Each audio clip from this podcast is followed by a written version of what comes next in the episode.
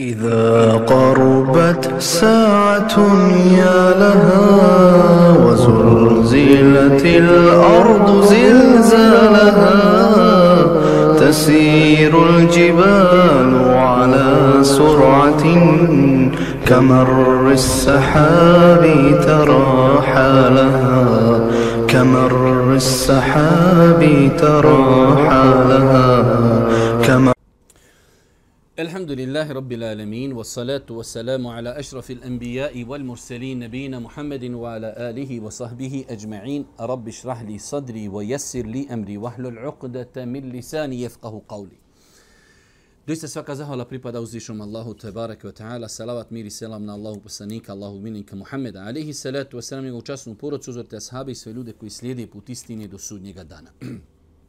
Uvažna braćo, evo nas još jednoj našoj i emisiji i predavanju i druženju u kojem se družimo sa knjigom Vjerovanju u sudnji dan autora Alija Sallabija. U proteklim emisijama smo čitali i govorili o džehennemu, opisu džehennema i mnogim pitanjima vezanim za džehennem. Od večeras počinjemo i nadam se inšala da je ovo možda predposljednje predavanje, da ćemo inšala sljedeći sedmici i završiti ovu knjigu što je opet pokazatelj, sve što se započne, to se i završi. Pa blago onima koji redovno dolaze, prate i čitaju knjigu, sigurno su mnogo, mnogo toga mogli korisnog naučiti. Kaže autor na 431. stranici četvrto poglavlje Džennet. Znači, nakon što je govorio o sudnjem danu, nakon što je govorio o prelasku sa Sira Čuprije, govorio je, rekli smo, o mjestu koji se zove Qintara, mjestu gdje će se E, muslimani koji su prešli preko sira čuprije, eto da kažemo, razračunavati kako bi se njihova prsa, grudi, srca očistila, kako u džennetu ne bi bilo zlobi jednih prema drugima. Pa je govorio malo detaljno o džehennemu, o opisu džehennema, e, raznim kaznama kojima uziši Allah s.w.t. prijeti onima koji su nepokorni, kao i dijelima koja vodi ka džehennemu, autor e, posljednji dio knjige je e, ostavio da govori o džennetu. Pa kaže put do dženneta pod naslov. Put prema džennetu započinje svješću o tome zbog čega te svevišnji Allah stvorio. Ovo je, vjerujte, jedna mnogo skupa konstatacija koju nažalost, ali koju nažalost ne zna danas stotine miliona ljudi na planeti, ako ne i više put prema džennetu započinje svješću o tome zbog čega te svevišnji Allah stvorio. Imaj na umu Allahove riječi, džine i ljude stvorio sam samo zato da mi se klanjaju. Ja ne tražim od njih obskrbu, niti želim da me hrani. Pa put ka džennetu počinje onog momenta kada čovjek svati zašto je stvoren. U protivnom, ako čovjek ne svati zašto je stvoren – ruši se sav njegov dunjalučki život. Ali kad svati čovjek zašto je stvoren, stvoren da robi uzvišim Allah, uzvišim Allah je stvorio čovjeka, slavu mu poslanike i dao mu razum da može svatiti istinu. Nakon toga, nakon što imamo zdrav razum, Allah Đelešanu se obavezao da će svoje robove koji su pokorni nagraditi, a nepokorni kazniti. Kazna je džehennem, a nagrada je džennetem put prema džennetu započinje svješću o tome zbog čega te svevišnji Allah stvorio. Džine i ljude stvorio sam samo zato da mi se klanjaju. Ovi kuranski ajeti nose i sljedeći za, e, značenje. Sve mogući Allah stvorio i ljude i džine da samo njega, koji nema saučesnika, saučesnika obožavaju. Savršenom će nagradom nagrati onog ko bude poslušan, a teškom će kaznom kazati onog komu bude neposlušan.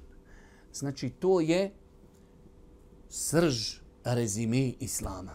Allah je stvorio ljude, slao im je poslanike. Svakako ljudi e, kroz historiju dešavalo se da zbog određenih faktora kao što je šeitan, kao što je ljudska duša, kao što su strasti, da ljudi zaboravi na poslanice, zaboravi na istinu. Pa bi muzišen Allah tebara kvetala s vremena na vrijeme slao poslanike koji će im pojasniti zbog čega su ljudi stvoreni i pojasniti im kako da robuju Allahu. To su bukvalno dvije najbitnije stvari zbog kojih Allah slao poslanike. Da ljudima pojasni zašto su stvoreni. I da im pojasni kako da robuju Allahu. I danas da kažete klanjamo namaz. Kako ga klanjamo? Onako kako nas je podučio poslanik.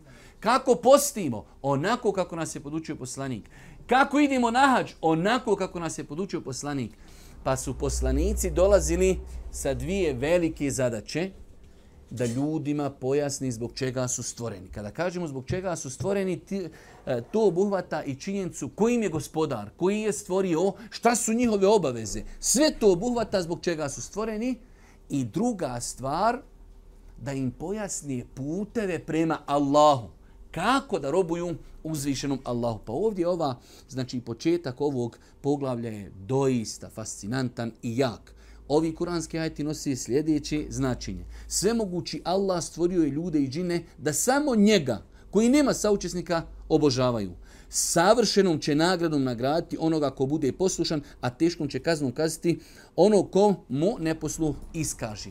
E vidite sad, uzvišen Allah stvorio je čovjeka, poslao poslanika da ga pozove, da mu pojasni, da mu je razum koji to može razumjeti. I nakon toga mu ostavio šta? Slobodnu volju. Jer nelogično bi bilo da Allah kazni nekog na sudnjem danu, kaže, e, eh, kazna što nisi vjerovao, a on nije imao slobodnu volju. Pa je apsolutna pravda to što je Allah ljudima dao slobodnu volju, ali zbog toga što imaš slobodnu volju, imaš mogućnost da zaradiš nagradu, ali isto tako da budeš kažnjen. Pa je to rezime Islama. Allah je stvorio ljude, slao im poslanike, da im pojasni ko je gospodar, kako da mu robuju. Dao im je razum koji mogu razumjeti ono što poslanici govori. I nakon toga dao im je slobodnu volju. Na osnovu slobodne volje ljudi će biti pitani ljudi će biti pitani, polagati račune i biti kažnjeni ili biti nagrađeni. K tom je uzvišeni Allah nema nikakve potrebe. Sad jedna druga konstatacija, mnogo bitna. Uzvišeni Allah nema nikakve potrebe za stvorenjima, već su oni uvijek i u svakoj situaciji u potrebi za njime koji je stvorio i koji im na faku daje. Ovo je sad jedna isto konstatacija koja nam je bitna u razumijevanju ovog pitanja uzvišeni gospodar kada bi svi ljudi na planeti bili kao najpobožniji insan? Znači uzmijete sad, ko je najpobožniji na planeti? I kažu, svi ćemo biti poput njega. To Allahu ne povećava ništa. Isto tako, da nađemo kajmu, ko je najgrešni insan na planeti? Kažu ovaj. Kada bi svi ljudi na planeti bili kao on, to Allahu ništa ne šteti. Pa je Allah stvorio ljude, on je njihov gospodar i oni su njega potrebni. On nije potreban ljudi, niti njihovih ibadita. Tu je mnogo bitno. Dosta se puta dešava da ljudi nekako, ko on bi klanjao kao nešto to će značiti Allahu. Ništa. Ne samo ti ili ja, sva planeta. Da bude neprestano na seđdi. Gospodar je gospodar kada bi sva planeta širku činila u istom momentu. Gospodar ostaje gospodar. To ništa ne povećava njegovu veličinu, niti njemu šta šteti. Pa moramo znati zašto ovo govorimo. Mi smo potrebni Allaha. Mi smo potrebni njegove milosti.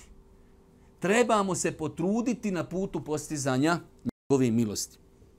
Ovaj hadis, doista, danas sam tražio njegove komentare, fascinirao me samo ga treba ispravno razumjeti. Kaže u hadisu kuciju se kaže čovječe, pot, posvijeti se činjenju ibadeta pa ću ti dati da budeš zadovoljan i udovojit ću tvojim materijalnim potrebama. Subhanallah.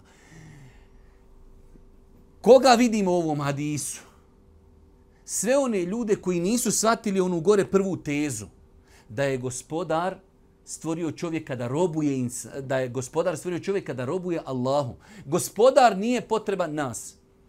Pa onda gospodar ti kaže, ako ti budeš na tom kolosijeku ispravnom, robovao Allahu, Allah Želšanu će ti učiniti dvije stvari. Učinit će te zadovoljnim, sretnim.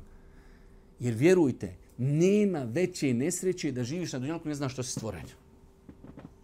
Ne znam, ti ustaješ, budiš se, ustaješ, budiš se, ustaješ, budiš se, spavaš, ležiš. Ne možeš osjetiti slast. Ti trčiš, neko ti kaže vidi maraton i trčiš, trčiš. Pa de ljudi, gdje je kraj? Nema kraja, samo trči, isplazi jezik, idi dalje. Za muslimana, ne, musliman zna gdje je kraj. On zna što je stvoren, tu je kraj. On zna gdje će nakon smrti. On očekuje nagradu od Allaha. On očekuje kaznu onome komu je zulum učinio. Onaj ko nije shvatio zašto živi, on jadni trči i čita živi, nikad da shvati gdje je cilj njegovog maratona. Pa kaže uzvišeni Allahu hadiskuciju, čovječe, posvijeti se činjenju ibadeta Allahu subhanu wa ta'ala, pa ću ti dati da budeš zadovoljen i udovoljiću tvojim materijalnim potrebama.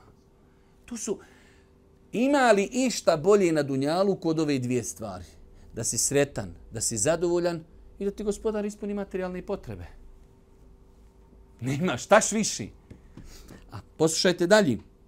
Ne postupiš li tako?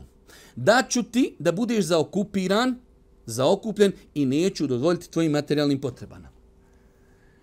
Kažu učenjaci, znači u ovom, u ovom komentaru ovog hadisa, onaj ko ne bude robovao Allahu, trčaće, ide, ali ne može stići, nezadovoljan, nesretan, i u svemu tome Allah mu neće podariti beričet onome što ima. Jer ovdje gore kažu učenjac kada Allah zašto on kaže učinit ćete sretnim, zadovoljnim i da će ti donjalučke potrebe ako ništa da će ti bereket onom što imaš. Maš li zaradi 100.000 danas zaradio, sutra otišli. Ne znam gdje su. Čovjek ima manje, mnogo zarađuje. Zadovoljan, sretan, troši, Allah mu podari u tome blagoslov beričet. Pa je ovaj hadis jedan veličanstven, veličanstven hadis vezan za ovu temu. O sine Ademu, o čovječe, posvijeti se robovanju, ali ti si zbog toga stvoren. Allah će da budeš sretan i zadovoljan. Bez obzira, možda si siromašan, bez obzira možda si e, bolestan, možda i tako dalje, ali ti si sretan, znaš zašto živiš. I Allah će ti ispuniti dunjaločke potrebe. A s druge strane, ako, kaže, ne uradiš tako, bit ćeš raštrkan, bit ćeš nezadovoljan, bit ćeš nesretan, zaokupljen i neće ti udovoljiti gospodar tvojim potrebama. Nakon toga kaže autor robovanja Allahu svevišnjim, dakle, svrha je čovjekovog poslanja na ovom svijetu. I ta svrha prema tome iziskuje da sva čovjekova djela, čak i njegov život, budu posvećeni gospodaru. Sad jedna druga teza. Sve što mi radimo, jer nas je stvorio Allah, treba da radimo radi Allaha. I zato je citirao ovdje onaj poznati ajit, reci, klanjanje moje, salati, o nusuk i obridi moji, i život moj, i smrt moja, doista su posvjećeni Allahu gospodaru svijetu, koji nema saučesnika, to mi je naređeno, ja sam prvi musliman. Pa ako nas je Allah Đerušanu stvorio, da njemu robujemo, iz toga proizilazi da mi sva svoja dijela koja činimo, radimo radi Allaha kako bi ako Bog da za njih bili i nagrađeni na hiretu. Od čovjeka se traži da Allah robuje na savršen način, a to znači da ne nastupa ni riječima ni dijelima sve dok ne zna jesu li iste te riječi, odnosno ista ta dijela, eh, Allah i poslanik njegov dozvolili i zabranili. Vidite kako, vjerujte, nismo svjesni vrijednosti znanja, vrijednosti ovih rečenica i vrijednosti ovih postulata – kaže, o, od čovjeka se traži da Allahu robuje na savršen način. A to znači da neće nastupati ni riječima, dijelima. Sve dok ne zna jesu li te isti riječi ili ta dijela, Allah i poslanik njegov dozvoli i zabranili. Šta god u životu hoćeš da uradiš, stop. Je li to dozvoljeno? Je li to dozvolio gospodar ili to dozvolio poslanik? To je savršenstvo robovanja Allahu da ne kreneš nijednu stopu, a da nisi za nju pripremio dževab. Da nisi siguran da znaš je li ovo halal ili nije, je li ovo dopušteno ili nije. Sve to ide u jednom planu robovanja uzvišenom Allahu subhanu wa ta'ala. Druga teza opet, robovanje gospodaru svijeta obuhvata i potpuno, bez kompromisno činjenja onoga što je donio Resulullah sallallahu alaihi wa sallam, bez obzira na to radilo se riječima ili dijelima, E, to ra, uh, i to radi Allaha gospodara svjetova. Sada imamo još jednu tezu, a to je da naša dijela treba da budu u skladu sa sunnetom Božijeg poslanika, alihi salatu wasalam. Kaže nam nakon toga autor, za ulazak u džennet potrebna su dijela, jer su dijela sastavni dio vjerovanja. Svevišnji Allah u nekoliko kuranski ajta rekao je da su dijela uzrok čovjekovog ulaska u džennet. Govorit će poslije autor o tom je baš jedno lijepo posebno poglavlje, je li džennet nagrada za djela. Ali evo ovdje je on to opet spomenuo, jednostavno ilm i znanje je takvo gdje nekada određenu stvar spomeniš pa i ponovo spomeniš negdje možda još detaljnije. Za ulazak u džennet potrebna su djela, jer su djela sastavni dio vjerovanja. Ovdje je jedan veliki odgovor onoj velikoj našoj masi ljudi, ja vjerujem i tu staju sve stvari postiš li ne, klanjaš li ne, zekijat ne, hađ ne, harama toliko. Ne, znači ako si rekao da vjeruješ, proizilazi iz toga da si kao pčela, trudiš se da uradiš što više dobrih dijela, da izbjegneš sve ono što ti je zabranio tvoj gospodar i to je sastavni dio i to je sastavni dio vjerovanja. Znamo svi da se iman sastoji od tri stvari, od čvrstog ubjeđenja, od izgovora jezikom i na kraju da to se potvrdi, da se to alaihi wasalam potvrdi našim djelima. Kaže uzvišeni Allah, eto to je džennet koji vam je darovan kao nagrada za ono što ste radili. Vidjet ćete poslije će autor pojasniti, ako uzmemo, evo čitat ćemo sljedeći ders, koliko je džennet, da kažemo, skup i veličanstven. Nemoguće je da ga mi zaradimo svojim dijelima. To je nemoguće nemoguće, nemoguće. Da čovjek uradi dijelo i kaže evo ja sam zaradio džennet. Ali mi možemo pokornošću zaslužiti Allahovu milost pa preko te milosti ući u džennet. Ali da kažeš ja klanio, ja postio, ja zaslužio, ne, to nemoguće. Možeš samo biti pokoran pa zaslužiti Allahovu milost i da te Allah svojom milošću uvede u džennet. Džennet je mnogo skuplji da bi ga mi u ovom svom kratkom životu mogli zaslužiti. Mnogo je skuplji i mnogo je vredni. Čak se u Kur'ani El Kerimu naglašava to da će stanovnici dženneta biti oni koji su na Dunjalku bili vjernici što činjahu dobra djela. Znači, opis džennetlija jeste to su oni koji su na Dunjaluku činili činili dobra djela.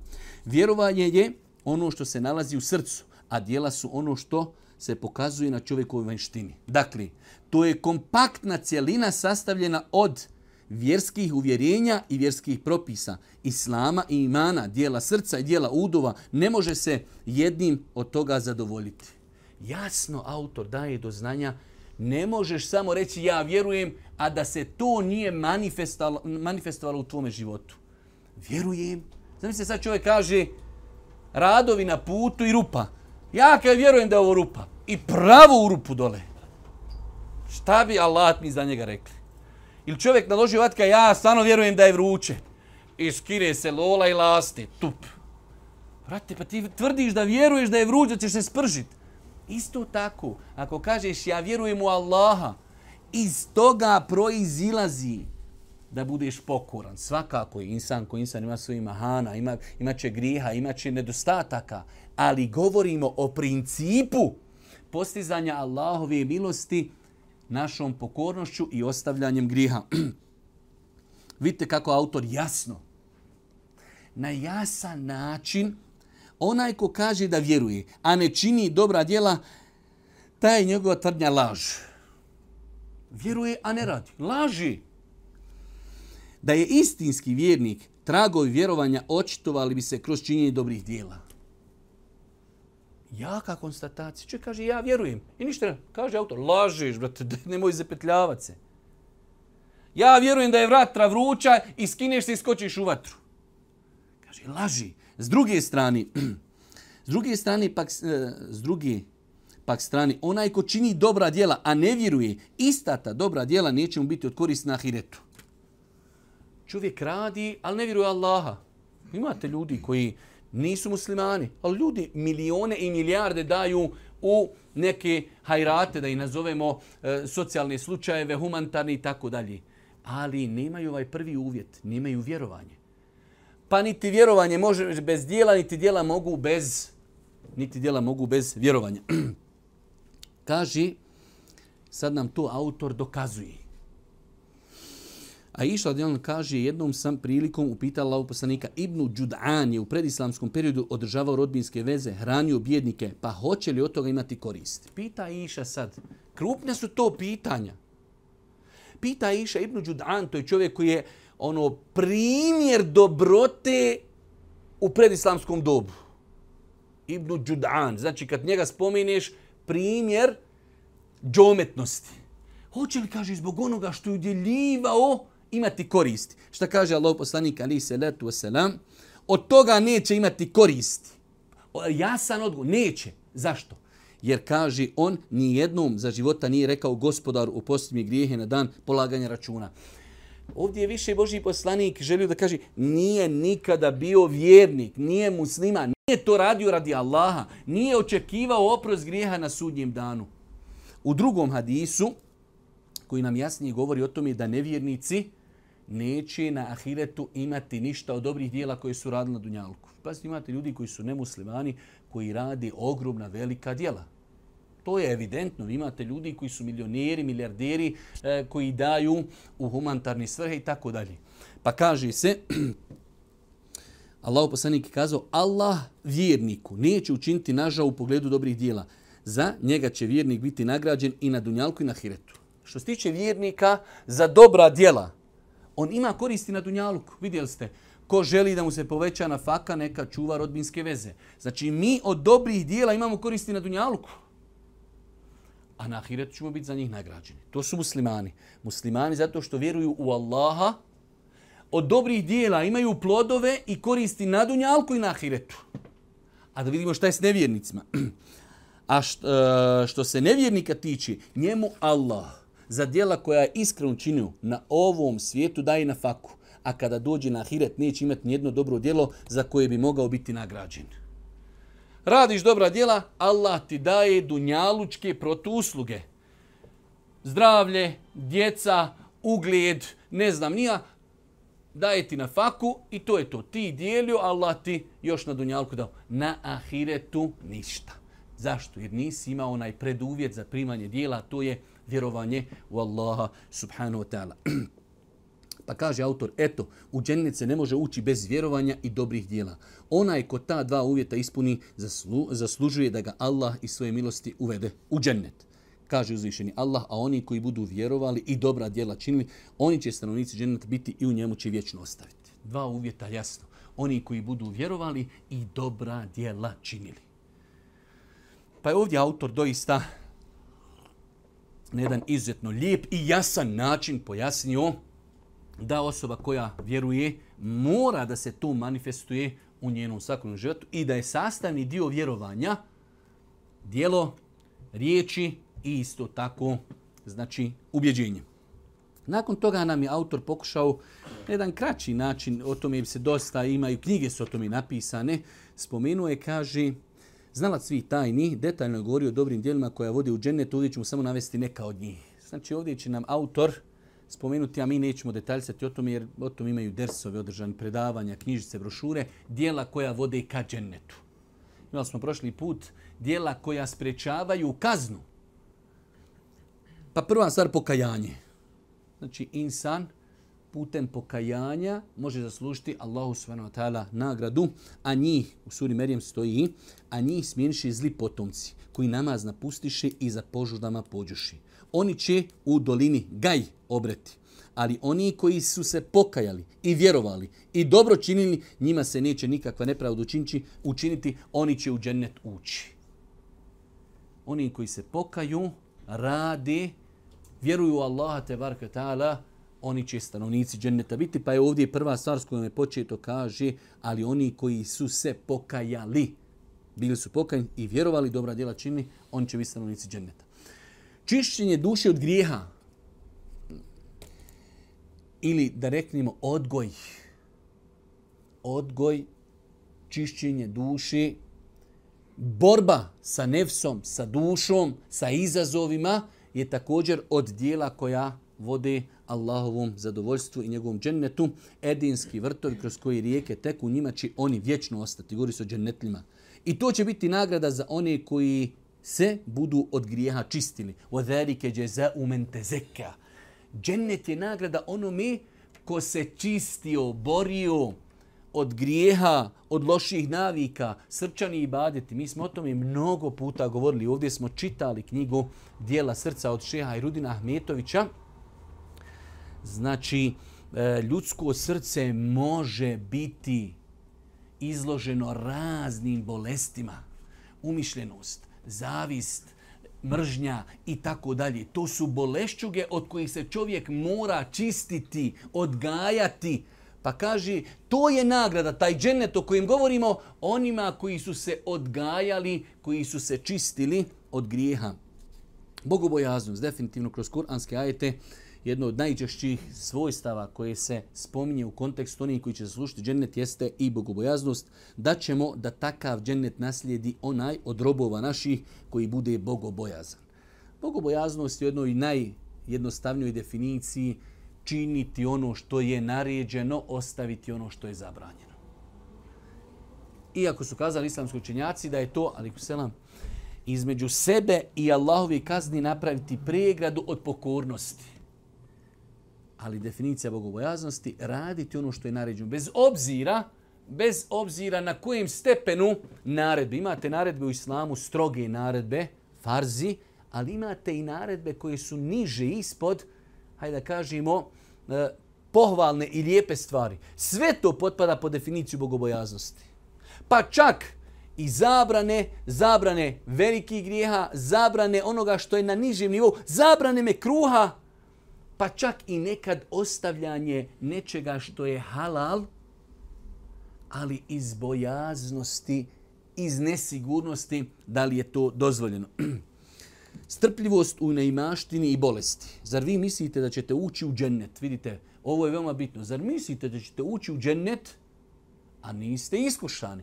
Zar mislite da ćete ući u džennet, a još niste iskusili ono što su iskusili oni prije vas – nisu satirali na imaštine i bolesti i toliko su bili uzdrmani da bi i poslanik i oni koji su s njim vjerovali uzvikli kada će već jednom Allahova pomoć.